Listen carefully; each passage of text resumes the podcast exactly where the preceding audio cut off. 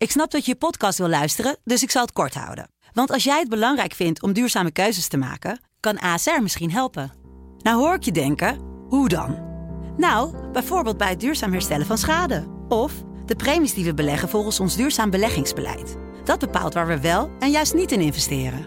Wil je meer weten over welke duurzame keuzes ASR maakt? Ga dan naar asr.nl/slash duurzame keuzes. ASR doet het.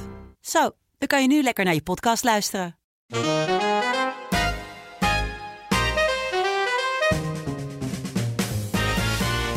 is Bonte Was Podcast. Het wasprogramma tegen blinde vlekken in de media. Uw gids in mediamissers en opstekers. Ik ben Wansi Muller. En ik ben Zoe Papa Economu. En elke aflevering praten we met een journalist of mediadeskundige over het vak. Spelen we een spelletje in het Blinde Vlekken Kwartet. En geeft woordkunstenaar Atta de Talks een kijk op alles wat we hebben besproken. Deze keer doen we dat met cabaretière en schrijfster Funda Mujde. Funda, welkom. Leuk dat je er bent. Ehm, hoeveel etiketjes zou jij op een diversiteitsvisitekaartje kunnen printen? Uh, je bent een vrouw, dat is een etiket. Op dit moment van middelbare leeftijd is ook een etiket. Een Turk uh, is een etiket.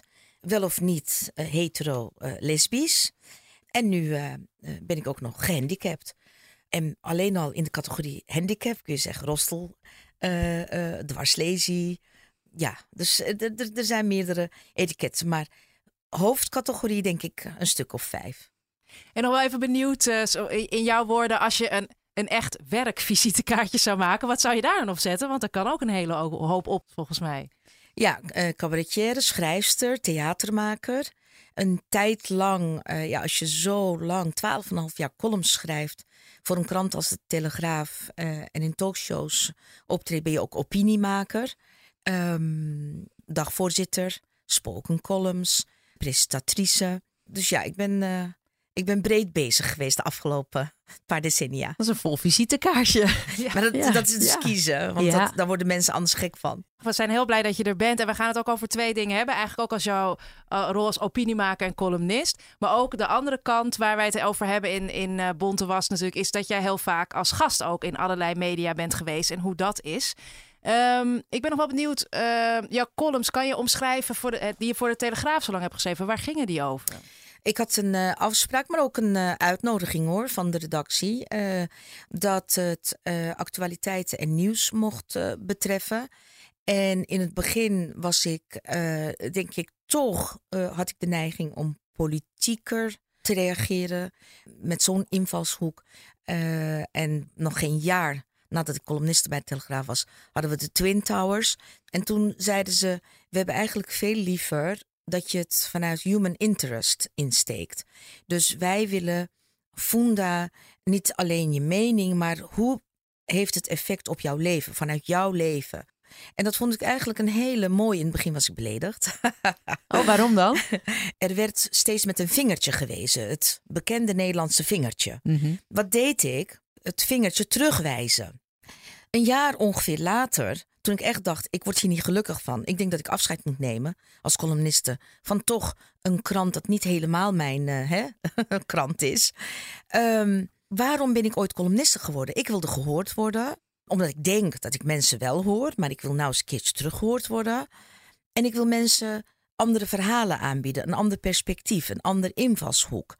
En lukt me dat als ik met het vingertje terugwijs? Nee, want dan krijg ik haatmail. Uh, dus hoe kan ik mijn lezers bereiken? Dat moet mijn doel zijn. Hoe kan ik mijn boodschap voor het voetlicht brengen? En als ik er maar één heb die zegt: Weet je, ik ga er toch anders naar kijken nu door Funda's column. Nou, dat is al winst. Het voorbeeld wat je nu noemt, dat raakt ook wel wat recentelijk is. Uh, Saada Noorhusen, zij is nu hoofdredacteur van One World, is weggegaan bij Trouw. Um, ook omdat ze veel haatmail kreeg. Uh, maar ook omdat ze zei: Ik werd op de redactie niet echt daarin begeleid. En dat wordt ook wel door andere columnisten beaamd. Ik weet je dit. Uh, vertelt ook, jij hebt persoonlijk voor jezelf een andere keuze gemaakt in hoe je columns gaan schrijven. Maar ik ben wel nieuwsgierig. Uh, hoe ging de Telegraaf ermee om? Oh, Eh, die, dat, dat was echt niet na één keer eh, beklonken ook hoor. Eh, Twaalf en een half jaar lang was denk ik wel twaalf keer dat, dat we afscheid van elkaar wilden nemen. En, en ik denk elf keer was, was ik degene die dat initiatief nam. Ehm, eh, eh, alleen, ik had twee vrouwen, met name me, mijn hoofdredacteurs. En ze ging ook carrière maken. Ze was dus een van de enige vrouwelijke hoofdredacteuren van de zes van de Telegraaf. En eh, ik heb heel veel aan haar gehad. We hebben ook wel eens eh, één keer per jaar minstens een bakje koffie gedaan. En toen zei ik een keer dat ik heel veel ook geleerd heb van deze, dit hele proces. En toen zei ze: Ik heb ook heel veel geleerd van jou. En jij hebt mij ook veranderd als mens. Je hebt me echt anders doen kijken naar bepaalde onderwerpen in onze samenleving en ook in onze krant. En zij bleek, ze hebben me dit niet meteen in het begin verteld, wel degelijk beschermd te hebben, ook redactioneel binnen de redactie. De helft van de krant was bij wijze van spreken, vond haar liever kwijt dan rijk en andersom. We gaan nu eventjes duiken in eh, dat jij ook heel vaak bent uitgenodigd als gast. Je zei net al bij Barend en van Dorp, lang, lang geleden. Eh, en je bent heel vaak te gast geweest in allerlei programma's. Weet je nog voor welke identiteit je ooit als eerste bent uitgenodigd? Als allereerste eh, weet ik bijna zeker dat het was Turkse actrice. Dus ik werd van Medisch Centrum West of Zeggens A, waar ik aan meedeed eh, eh, als BN'er een beetje. Na Medisch waren wij allemaal ineens toch wel BN'ers. Werden we uitgenodigd eh, in talkshows, in wedstrijden, Team voor Taal, Oh, dat ja. soort dingen. Echt hele leuke dingen. Maar werd ik aangekondigd altijd als de Turkse actrice. Hoe voelde dat? Ehm, ik, ik denk dat ik daar wel last van had, omdat het direct effect had op mijn ehm, hoe ik getypecast werd. En ik denk dat ik daar meer last van had. Dus ik dacht, als ze me blijven typeren als Turkse actrice in aankondigingen en noem maar op, en niet als een van de actrices van Medisch Centrum West, dan gaat dat elkaar versterken. En zo, zo, zo werkt dat denk ik ook echt. Jetty Maturin is een eh, hele goede vriendin van mij. Eh, wij zijn collega's bij eh eh, Vrouwenvleugel eh, geweest van elkaar. En sinds eh, dien tot op de dag van vandaag bevriend gebleven. Ook met haar dochters overigens. Nou, haar dochter zat precies waar jij zit. Nicole Ah. Terborg, een van onze andere podcastgasten. Maar dat is even een zijspoor. Ja. Leuk. Ehm, ja, eh, je kan zeggen onze actrice of cabaretière. Maar als je blijft zeggen Surinaamse, Surinaamse, Surinaamse, Turkse, Turkse. En stel nu gehandicapte, gehandicapte. Dat wordt trouwens niet gezegd, want dat durven ze niet. Dat is nog een brug te ver. Ja, Ja. Moeten we erop wachten tot ze dat wel durven? Nee. Maar gaf je het ook wel eens aan? Daar ben ik wel nieuwsgierig naar. Van, eh, zou je dat eens weg kunnen laten? Of durf je dat dan niet? Nee, als ze het netjes vroegen, want vaak werd je verrast. Oh ja, tuurlijk. Ik, Ja, ik werd gewoon zo. verrast. Ik wist niet eens dat er een aankondiging kwam of wat dan ook. Maar als ze het vroegen, eh, ik was er ook niet altijd op bedacht. Dus dan zei ik gewoon, oh nou zeg maar actrice. Eh, als het maar één, ik moet kiezen nu, nou doe maar actrice. Of actrice en columniste, eh, zo.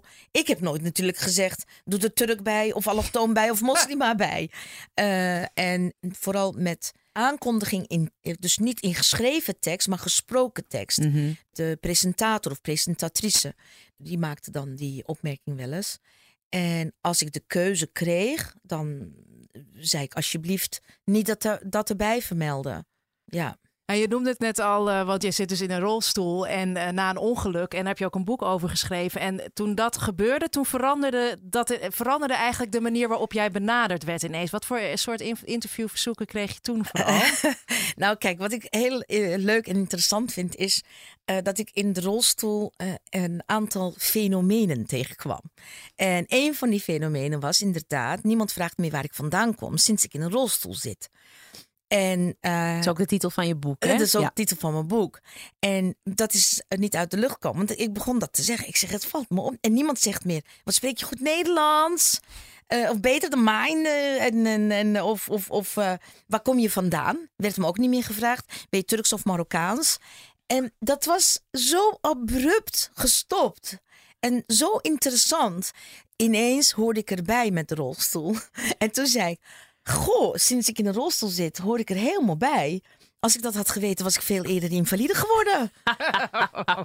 en, en, en zo was dat ook met, uh, met uh, al dan niet allochtoon zijn. Wat is nou het, het, vreemdste of opvallendste wat je is overkomen uh, in het contact met redacties als je werd uitgenodigd in een bijvoorbeeld talkshow? Nadat je in een rolstoel terecht kwam, bedoel ik dan? Nou, dan word ik uitgenodigd. Uh, bijvoorbeeld om, om welke reden dan ook, met welke titel en etiket dan ook. Hebben ze geen moment gedacht, echt geen moment dat ik in een rolstoel zit. Oh, de make-up is één trap omhoog. Oh, ja, hoe gaan we dat doen? Nou, dan, dan, uh, dan uh, halen we wel uh, die dame met, van de make-up even naar beneden. En dan maakt ze je op. Maar waar iedereen loopt, waar iedereen. Dus je kan je niet even rustig terugtrekken. En nou, dan ging ik maar naar het invalide toilet. Als, dan stelde ik dat maar voor. Dat werd mijn VIP-ruimte, bijvoorbeeld. Een van de meest grappige is echt recent gebeurd. Ik doe Kan niet waar zijn column, spoken column. Ik ben er ook trots op. Het is een hartstikke leuke column geworden. En het gaat over toegankelijkheid met iets wat ook herkenbaar is. Iedereen. Ik heb gekozen de parkeergarage. Voor iedereen af en toe een horror, een doolhof. Zo heb ik het opgebouwd. Nou, ze weten het. Ze krijgen het van tevoren ook te zien. Want het is heel belangrijk dat hij niet langer dan twee minuten ongeveer duurt. En uh, ik kom daar. Geen invalide toilet. Niemand waarschuwt mij dat als jij alleen komt, uh, dan, dan, dan, uh, dan kunnen we je eigenlijk niet eens helpen. Of iemand moet je helpen. Zij nodigen iemand uit in een rolstoel. Die hele column gaat daarover. Geen mens heeft er rekening mee gehouden dat er iemand in een rolstoel komt. En dan zijn ze heel blij dat er een hellingplaats is. Dat noemen ze een ramp. Um, dat vind ik eigenlijk heel grappig. De Engelse ramp is bij ons heel vaak voor mij een ramp. Ja. en als mijn man er niet was, die heeft mij letterlijk gewoon op de wc-pot geholpen. Want zelfs als je niks drinkt, als je uren daar bent en je hebt de zenuwen en je gaat spoken column doen, de zaal is vol, het is semi-live namelijk wat er op, opgenomen wordt. Ja, dan moet je een keer naar de wc kunnen. En uh, dat, dat, dat is frappant. Funda, je hebt ook wel eens een, een beetje een uh, rare ervaring gehad hè? met een talkshow waarvoor je was uitgenodigd en uiteindelijk werd afgebeld om een hele gekke reden. De show van Humberto Tan die zou mij uitnodigen van me, vanwege mijn fietstocht mm -hmm. van Amsterdam naar Istanbul. RTL Late Night. RTL Late Night. En uh, Humberto ken ik al, al, al 10, 15 jaar zo. Van, uh, je, hebt, je, je verkeert op dezelfde podia. En uh, voor het ongeluk en na het ongeluk. En toen belde hij me op. Hij zei: Ik vind het zo erg, daarom bel ik je persoonlijk op. Dus dat moet ik hem wel even nageven. Uh, maar de redactie uh, vindt twee, twee gehandicapten, twee rolstoels in één week te veel. Dus we moeten dat met jou afzeggen. Oh, oh. Stel dat ik op die redactie zou zitten. Ja. Wat, wat, wat is dan mijn argument om te zeggen: dit kan niet. Nou, ik, ik, begrijp oprecht niet wat het argument kan zijn. Om... Ik zal je zeggen, het, uh, uh, pas later hoor, pas later. Ik moest even van die pijn, pijn en, en concentreren op de fietsreis. Maar ik heb natuurlijk heel veel over dit voorbeeld nagedacht. En dat ik er niks mee heb gedaan, was ook van: moet ik het wel doen of niet doen? Maar ik vind raakvlakken hebben weer met uh, ja, we hebben al twee Turken gehad ja, deze week. Ja, maar dat, dat, dat, is hun probleem. En, en is... of, of, of moslims. Of ja, twee columns achter elkaar over integratie. Doe nou maar iets, iets anders. Maar als de hele, het hele land uh, over aardbeien praat. Ja, en kennelijk is er een behoefte om over aardbeien te praten. Ja, dan doe ik er ook twee columns over. Maar zodra het een kleur heeft, diversiteit, een tintje of uh, homoseksualiteit. Alles wat afwijkt uh, van alles de wat norm. afwijkt van de norm. Moet je niet te veel.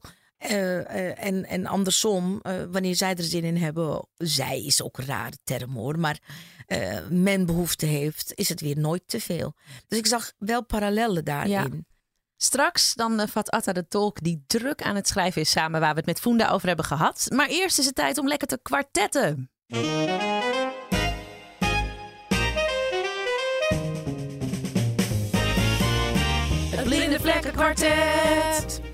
Het blinde vlekkenkwartet. Het blinde vlekkenkwartet. Het blinde vlekkenkwartet.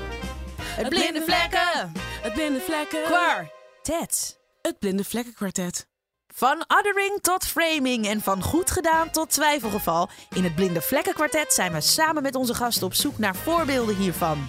En zoals bij elk spelletje zijn er prijzen. We geven een fles wasmiddel weg aan het programma of medium dat nog wel wat blinde vlekken heeft weg te wassen. En een effe bonte was podcast t-shirt voor een medium of programma dat lekker bezig is. Funda, heb jij in de categorie blinde vlekken een voorbeeld van terminologie? Terminologie. Woordgebruik. Ik wil het hebben over de gewelddadige versus geweldloze communicatie. Ik denk namelijk, en als het toespitsen op media, dat het eh, gebruik van terminologie wel degelijk toedoet. Dat het heel belangrijk is. Ehm, en het kan ook niet zo zijn dat je de ene keer zegt: eh, noem het beestje eh, bij de naam. En dan gaat het ineens alleen maar over de allochtonen of de moslims of de jihadisten. En daartegenover heb je het over de jongeren in Urk, om maar meteen met een voorbeeld te komen. Het is een incident, ach, ach de jeugd en uit de hand gelopen vechtpartij. Uh, dit soort terminologie is heel belangrijk, maar ook echt gewelddadige terminologie, uh, zoals Rutte, premier van ons land, op een gegeven moment heeft over tuig van de richel zelf een klap verkopen. Daar zijn trouwens gelukkig wel wat uh, meer mensen overheen gevallen. Dat kan je niet maken. Dat, dat is wel degelijk een voorbeeldfunctie. En je normaliseert geweld. En hem wordt wel platform ook geboden om dat allemaal uitgebreid te kunnen zeggen. Dus hij is natuurlijk minister-president, maar toch, er wordt vrij kritiekloos ook. Ja. Uh, krijgen heel veel politici die ruimte ook. Ja, klopt. In de media. Er wordt altijd heel moeilijk over gedaan. Het vinden, een deel van de journalisten vindt dat ingewikkeld. Ja, maar ik ben er toch om de realiteit te verslaan. Maar daarvoor kies je woorden. En uh, je kan wel degelijk ook een bijdrage of niet leveren aan uh, hoe die woorden weer bij anderen overkomen. Je draagt bij aan beeldvorming. Uh, Funda, ik ben toch nog even benieuwd, want je zei ik wil het algemeen houden, maar ik wil toch even toespitsen op uh, termen waar ik dan bijvoorbeeld mee worstel. Als we het hebben over terminologie en welke woorden je gebruikt, stoor jij er wel eens aan welke woorden er gebruikt worden als het gaat om mensen in een rolstoel? En nou zeg ik het zelf ook een beetje eufemistisch. ja. Vind ik een hele mooie vraag, omdat uh, ik ga jou even een wedervraag stellen. Ja. Uh, waar ik mee worstel is, hoe zal ik jou noemen? Uh, gekleurd, lichtbruin, donkerbruin, in de politiek zwart, als we het ja. spectrum politiek hebben. Daar worstel ik ook mee. Ja. Dus ik snap die ongemakkelijkheid. Mhm. Mm -hmm. Mijn antwoord is, met welke intentie gebruik jij welk woord dan ook? Mm -hmm. Als jij met een slechte intentie of met intentie, met een suggestieve vraag of met uitsluiting in je hoofd zit, dat hoor en voel ik aan je. Dan kan je eufemistisch woordgebruik nemen wat je wil. Die doen pijn. Die, die zijn nooit correct, gek genoeg. Ook eufemistische woorden niet. Maar als jij van hart tot hart ook tot mij spreekt, gewoon van mens tot mens, dan, dan what's in a name? Of je me Turk noemt, uit Turkije afkomstig. Als media is het wel belangrijk om dat goed te doen hoor, daar niet van. Ja. Niet als twee vriendinnen of twee mensen zomaar even op straat in de publieke ruimte. Maar uh, invalide, mens met een beperking, rolstoelgebonden, rolstoeler. Ja, ik kan je er wel ik, ik, tien op noemen. Maar ik merk dat ik mij daar niet aan stoor. Maar als ik merk dat een andere rolstoeler daar wel moeite mee heeft. Wie ben ik om te zeggen, ja, doe even normaal. Ik doe er toch ook normaal over. Ik ben, nu, ik ben toch gehandicapt, jeetje. Ja. Waar maak je nou druk omdat ze je gehandicapt noemen? En zo kan je dat ook over de discussie. Welk etiket krijg je en wie stoort zich eraan en Ja. wie stoort zich er niet aan? Dus het is tweeledig. Stoor jij je eraan, eh, dan moet je, moet je dat serieus nemen. Nou, je hebt nu gehoord hoe ik ermee omga. Eh, Ik vind het best als de intentie goed is. En de media moet wel degelijk genuanceerd zijn, vooral consequent zijn. En dat bedoelde ik net ook. Je kan niet bij de ene een terrorist zeggen en de andere een onruststoker. Of een incident. Daar gaat het om. Oké, Wansi, heb jij in de categorie blinde vlekken een voorbeeld van beperkte netwerken? Ja, eh, een tijd geleden was natuurlijk eh, de aanslag in Utrecht. eh, waarbij de dader drie mensen heeft vermoord in een tram. En er waren continu live-uitzendingen bij veel media, live blogs en zo. Waaronder NPO 1, eh, de nationale tv-zender. en NPO 1, die ook onze nationale rampenzender is. En toen zag ik een tweet voorbij komen van iemand die ehm, een, een berichtje van de NOS had gequote. En daar dan een reactie op had gegeven. En dat berichtje van NOS was. Terrorisme-deskundige prijzen aanpak bij aanslag Utrecht, maar communicatie onhandig. En toen had diegene gezegd dat vonden doven en slechthorenden ook. Geen gebarentolk, trage ondertiteling en geen ondertiteling. En toen dacht ik, wauw, nooit over nagedacht. Ik vind dat echt een gemiste kans. En dat is een eufemisme. Ja, dat, dat kan Zeker. natuurlijk niet. Ben ik helemaal met je eens en viel mij dus ook op. En zo zie je ook, de Turk bestaat niet, de gehandicapte bestaat niet. Ik zit in een rolstoel, ik kon alles eh, volgen. Eh, maar andere landen doen het wel. Mhm. Er is gewoon een gebarentolk meteen ter plekke bij een persconferentie voor een premier. In Australië was dat er, hier in onze buurlanden is dat er. Dus waarom lopen wij in Nederland altijd achter op dit soort dingen? Onwijs, ja. Omdat we blinde vlekken hebben. Ja. ja. Ja. ja, want dat is om, om heel even een zijspoor te nemen hoor. En mijn vader zat ook in een rolstoel, omdat hij twee beenamputaties had. En eh, ja, voordat hij dat had, dachten wij daar ook niet over na. Hè? Dat eh, als je naar een restaurant gaat, waar is de wc? Eh, is er een drempel? Dus zo werkt het. Ik, ik snap dat het zo werkt, maar voor alle mensen die er last van hebben, is het niet tof. En Ah, ik dat wil is nog je- iets toevoegen. Dat, dat het voor jou en voor mij, want ik wist ook niks van rolstoelers totdat ik erin zat. Ja, Dat zeg ik ook altijd. Dat is mijn mildheid tegenover de onwetendheid van alles en iedereen. Maar dat ontslaat je niet van je plicht als je een bedrijf bent. Als je een restaurant bent of een publieke ruimte bent waar je geld verdient. Ik krijg geen korting hoor in een hotel als ik een mooie kamer boek. Als ik 30% van hun faciliteiten, namelijk de sauna, de whirlpool of bepaalde bar die, die op twee meter hoog zit met een kruk, niet kan bereiken. Maar ik ben wel een betalende klant. ja. Dus zij hebben de plicht wel. Dus En daarin je bent je... ook een betalende klant van de NPO. Want we Ja. betalen allemaal belasting. En Ja. dat gaat Ja. ook naar de NPO. Dus ik vind, ook al zitten er duidelijk weinig, heel veel mensen met blinde vlekken. eh, in dit geval bij NPO 1. Dit soort dingen, hier moet je over nadenken. Ja. Het kan Ja. niet zo zijn dat dit Ja. gebeurt. Op een moment dat het cruciaal is dat elke Nederlandse burger informatie krijgt over wat er gaande is, omdat een dader voortvluchtig is ook nog. kan je deze blinde vlek niet hebben. Dus ik vind het een, eh, een hele goede kandidaat Ja. voor de wasmiddel eh, straks. Eh Zoe, heb jij in de categorie blinde vlekken een voorbeeld van eh, onderwerpselectie? Onderwerpselectie. Weinig oog voor verhalen in de samenleving. Ja, ik eh, denk dat we blijven bij onze vrienden van de NPO. Want ik vond het eh, best wel lastig in de voorbereiding. Want we kiezen natuurlijk bij elke eh, uitzending van Bonte Was Podcast. Denken we na van waar focussen we op?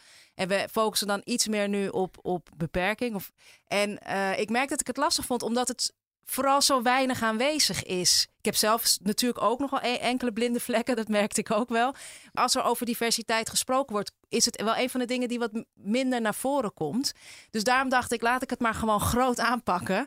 Ik nomineer gewoon de hele NPO, dus de hele Nederlandse publieke omroep, wat boven de andere omroepen hangt. Omdat als je bijvoorbeeld ook kijkt naar hun eh, concessiebeleidsplan, zoals het met een duur woord heet, eh, wat nu loopt tot 2020, daar komt bijvoorbeeld wel het woord diversiteit een aantal Mhm. keren in voor.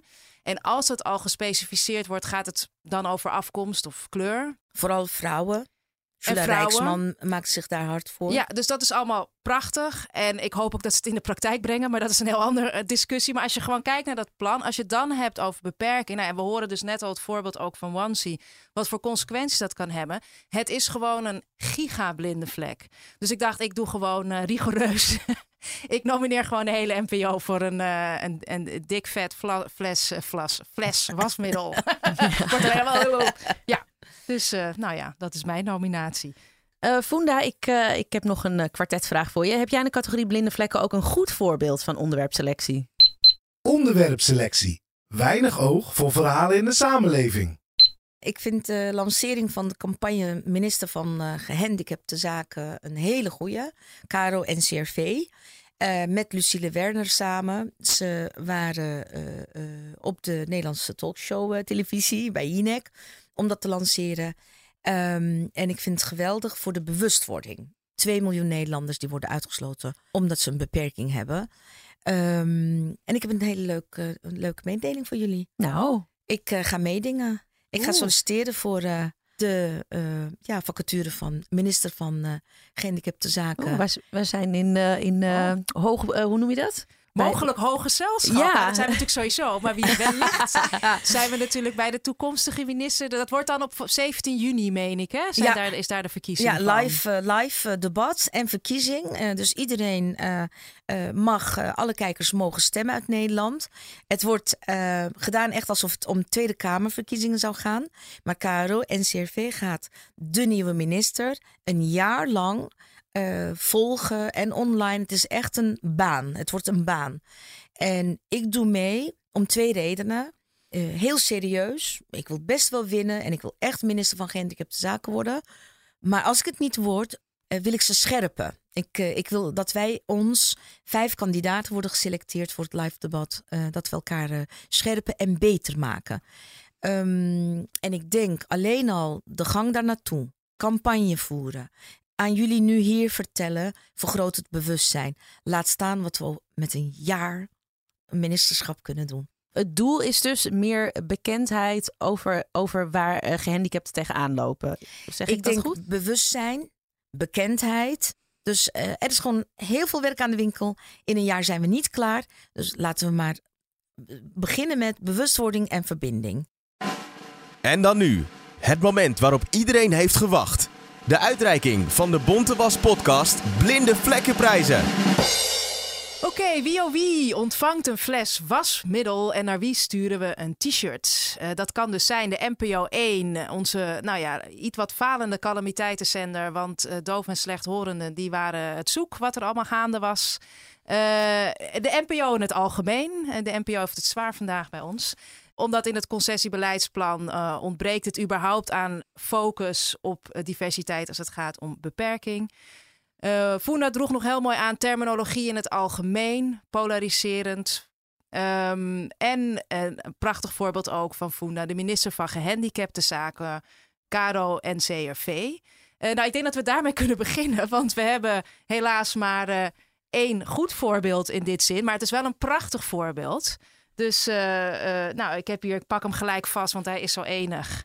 Het prachtige bonte was eh, podcast t-shirt, die met heel veel plezier naar de KRO en CRV gaat. Met als, met denk nog een shout-out naar Lucille Werner ook. Absoluut. Dat ja. ze dit Op de agenda kaart zetten. Ja. Prachtig. Minister voor gehandicapte zaken. En ja, ik duim natuurlijk stiekem al een beetje voor Funda. Heel erg leuk dat jij hebt gesolliciteerd. Wansi, het fles wasmiddel eh, hadden we er nog twee, eigenlijk twee dan over. Ja, Funda, wat moeten we erover zeggen? De NPO 1 specifiek als calamiteitenzender? Of wordt het eh, de NPO in zijn algemeenheid? Als het effect mag hebben in zijn algemeenheid. ik vind namelijk jullie allebei betoog heel belangrijk. Maar dan NPO overall. Dat vind ik dan een hele goeie. En dan heb ik het gevoel dat de calamiteiten en eh, gebrek aan gebarentolken dat omvat. Dus doe maar NPO in zijn geheel, wat mij betreft. Ja, ik vind het heel lastig. Want ik, ik bedoel, we hopen natuurlijk dat we niet heel vaak rampen hebben in Nederland. Maar goed, één ramp is, al, is er al één te veel. Dus, dus dit mag gewoon niet nog een keer gebeuren. En dit is, dit is wel, het is wel een concreet voorbeeld. Dus ik denk, als, ja, jou- jouw stem eh, is uiteindelijk bepalend, denk ik. Maar als we besluiten dat het de NPO in het algemeen wordt, dan wil ik wel dat, ze, dat we meenemen dat dit dus een, een concreet voorbeeld is van waar het misging. Ja, Nou, dat ben ik dat met je is- eens. Dat Ja. is denk ik meteen ook de oplossing. Volgens mij moeten wij een heel duidelijk kaartje meesturen met het fles wasmiddel.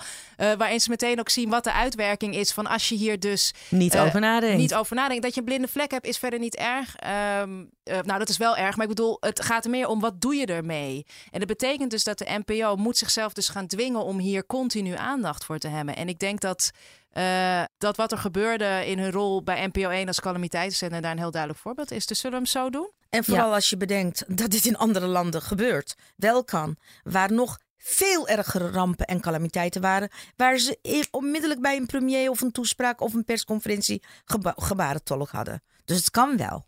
Alta, jij hebt echt eh 20.000 plaatjes voor je liggen. Eh, en jij eh, hebt volgens mij weer een mooie samenvatting van alles wat wij met Funda Muste hebben besproken net in Bontewas podcast. Go ahead. Wat maakt je in ander mens ogen de persoon die je bent? Welke eigenschappen bouwen jouw fundament? Welke stickers ben je het meest gewend? Of is het een wisselwerking en heb je last van trends? Bepalen ze identiteit op basis van elk persoonlijke rituele activiteit of vanwege de filosofie die je vond en raken ze daarmee de klik kwijt? Of bepaalt jouw werk de beeldvorming van de werkelijkheid? Achtergrond, beperking, geslacht, seksualiteit. Juist bij beperkingen is de bestempeling beperkt, terwijl het niet per se verzwakt, maar toch ook vaak genoeg versterkt. Ik ben meer dan beperkt, Holm. Je kunt het lezen in mijn column. Niet alleen een Turk die durft, hier is een roos. Je richt je op de dorens. Mensen mogen best opnieuw leren kijken in plaats van steeds met die vinger te wijzen. Het helpt meer om die vinger onderdeel te maken van de helpende hand. Beeldvorming aan te sturen. Zorg dat men gebruik maakt van het verstand. Ja, maar wel eens, niet eens, is een spel om niet van te genieten, niets mee te winnen, zoveel mee te verliezen. Luisteren mag breder. Discussies hoeven niet te worden ontweken. Alleen zo wordt het stabiel en is de band stevig. Bundelkrachten en gedachtes zijn opeens verenigd. Toch merk je dat ze nog steeds snel staren. Waarom zij? Is er geen gezond Hollands welvaren? Turkse actrices was de typekast. Typecast. Dat hokjesdenken houdt de pijn vast. Waarom spreken shows niet gewoon van een fijne gast? Alsof er vanwege de vervreemding daar wat twijfel bij was. Met al die identiteitsetiketten lijk je wel tweedehands. Wat spreekt die Turkse protestmoslima actrice in een rolstoel toch goed Nederlands? Met welk accent of dialect moet je terugschreeuwen? Vreemde vreemdelingencultuur achtervolgt ons al eeuwen. We willen naar je rollenspel luisteren. Er gebeurt steeds iets moois. We begrijpen wat je zegt, maar let op je allochtoon of voice. Of je nou demonstreert of integreert, emancipeert, steeds weer word je gemarginaliseerd. Stel, je gebruikt minder geweld in de communicatie. Dat maakt het automatisch tot een veiligere situatie. Zelfs bij een discussie kan woordkeuze moordend zijn.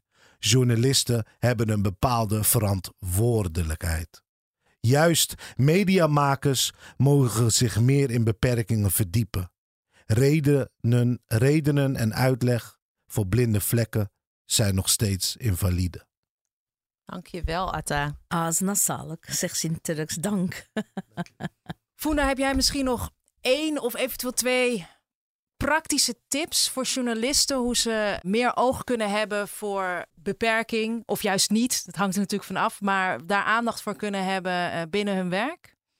Dat ze er even bij stilstaan. Wat weet ik eigenlijk over dit onderwerp? Wat weet ik over deze doelgroep? Wat weet ik over toegankelijkheid? Uh, ja, in Nederland is alles toch geregeld, uh, zelfs bij de wet. Nou, nee, blijkt. Ik denk eigenlijk dat ik een hele mooie tip heb voor journalisten en media, schrijvend, radio, alles. Mijn tip is: doe je huiswerk.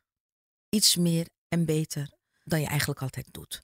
En alleen degene die zich aangesproken voelen, alsjeblieft, neem dit als een tip. En misschien ook eens mensen in een rolstoel uitnodigen als het niet over een rolstoel gaat. Oh, dat zou zo zalig zijn. Maar dan mag het ook over mijn werk gaan. Uh, ik, uh, ik als Funda, inderdaad. Dat vind ik uh, de tweede mooie Toch, tip. Ik wil, ik wil, in een foxpopje ook gewoon eens iemand in een rolstoel zien. Ja. Of iemand met een blinde ja. stok. Of, toch? Dat zou, ja. zou echt verfrissend zijn. Zo. Want ik heb ook iets te melden over welk onderwerp dan ook. Precies. Dat niet over beperking of moslima's of allochtonen enzovoorts gaat. Klopt. Mooie oproep. Dit was Bonte Was podcast met Funda Musde. Deze podcast is mede mogelijk gemaakt door Nieuw Wij en ook speciale dank aan Marcel's Green Soap. Heb je ook voorbeelden van blinde vlekken in de media of wil je meer weten over Bonte Was podcast? Ga dan naar www.nieuwwij.nl.